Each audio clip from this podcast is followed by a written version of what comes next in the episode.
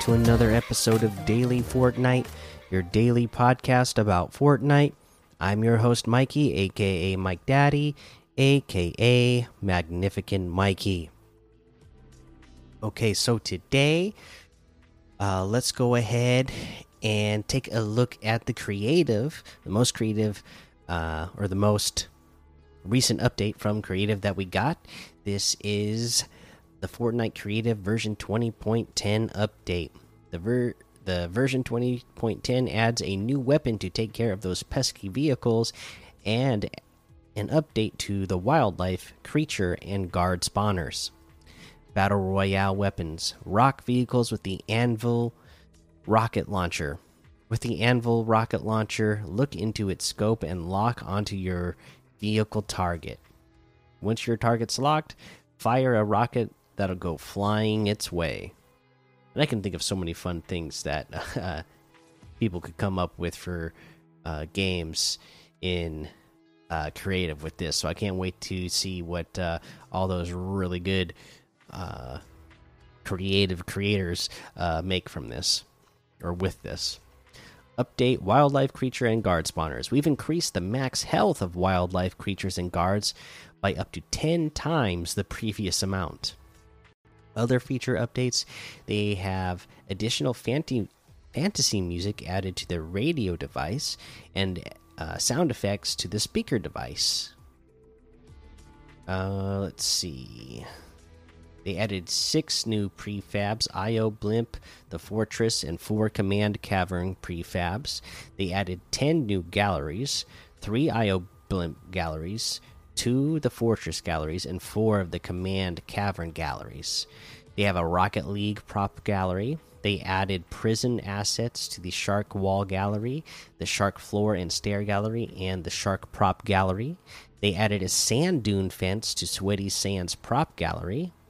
Some known issues is, and they say we're aware of an issue that will prevent creators from opening the detailed view of the following galleries Sweaty Sands Prop Gallery, the Shark Wall Gallery, the Shark Floor and Stair Gallery, the Shark Prop Gallery, the Shark Rock Gallery, the Shark Rock Oh That Large, and the just the regular Shark Rock Gallery as well, and the Shark Cliff Gallery. And they have some prefab and gallery fixes, device fixes, island fixes, gameplay fixes, and UI fixes as well. So, enough in here uh, to uh, play or to make some really cool, uh, creative chapter 2 season 3 themed uh, islands. So get in there start uh, making something. Uh, let's see here. Let's go ahead and uh, with that look at some of the LT ltms that we can play. Again all battle no build are things like gun game quest gold rush gun game red versus blue ducks depot Depot, uh, Gun Game OG Factories Mythics, Color Switch Combat Evolving Gun Game, Military versus Aliens 8v8, uh, and then, my goodness, so many other things, right? Like Don't Fall in the Lava, Prison Breakout Free for All, Aliens versus Cars, CTF Gun Game Mode, Trick or Trust, Warrior Battle and a whole lot more to be discovered in the Discover tab. Today is new quest day, so let's head on over to week three and see what quests we have. This is my first time opening up the game at all today, so I'll, this is gonna be my first time even looking at what the quests are. So you need to damage opponents from 30 or more meters with the revolver. 100 damage in total. You need to deal damage to opponents at Synapse Station or the Daily Bugle, 75 damage in total. You need to emote within 10 meters of a character just once. You need to gain shields by consuming forage forageables, and you got to get 50 health and a uh, shield in total with that. Mod a vehicle with the cow catcher just once. Search chests and ammo boxes at the IO outposts.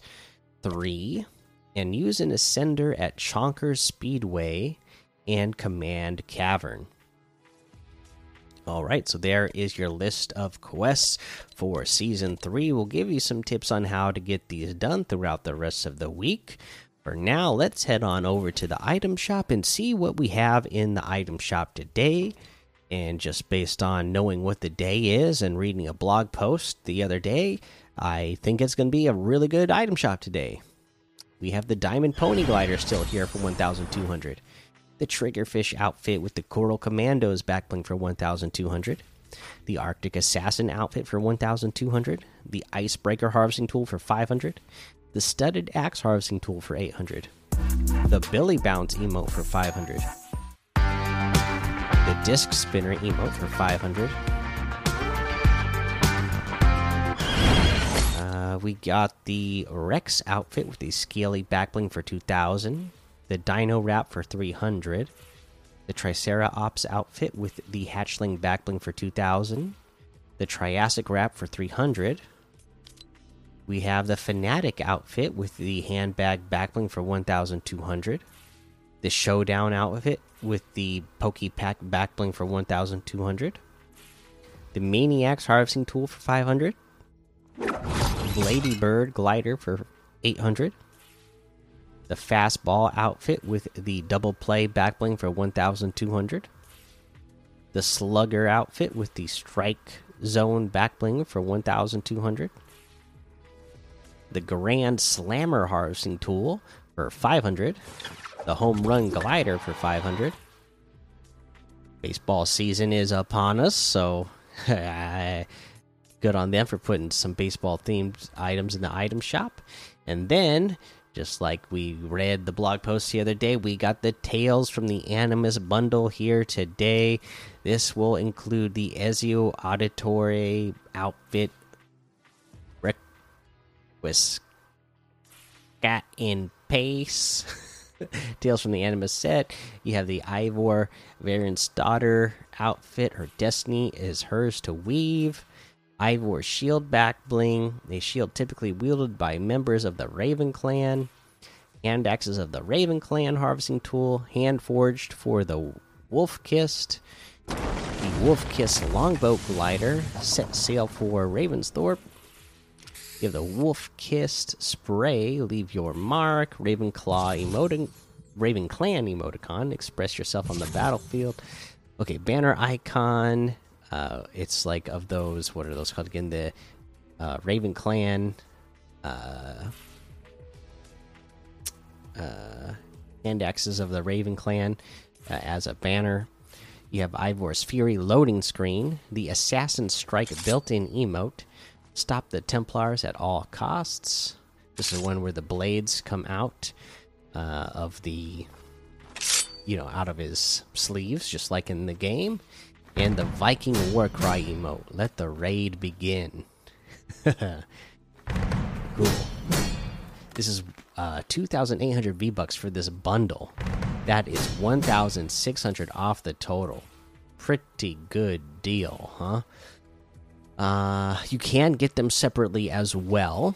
The Ezio Auditore outfit with the Assassin Strike harvesting, I mean, Assassin Strike built in emote is 1,800 the Eivor Varinsdottir outfit with the Eivor shield back bling, and axes of the Raven Clan harvesting tool and uh, Viking Warcry emote is 1,800.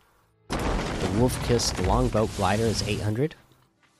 And that looks like everything today.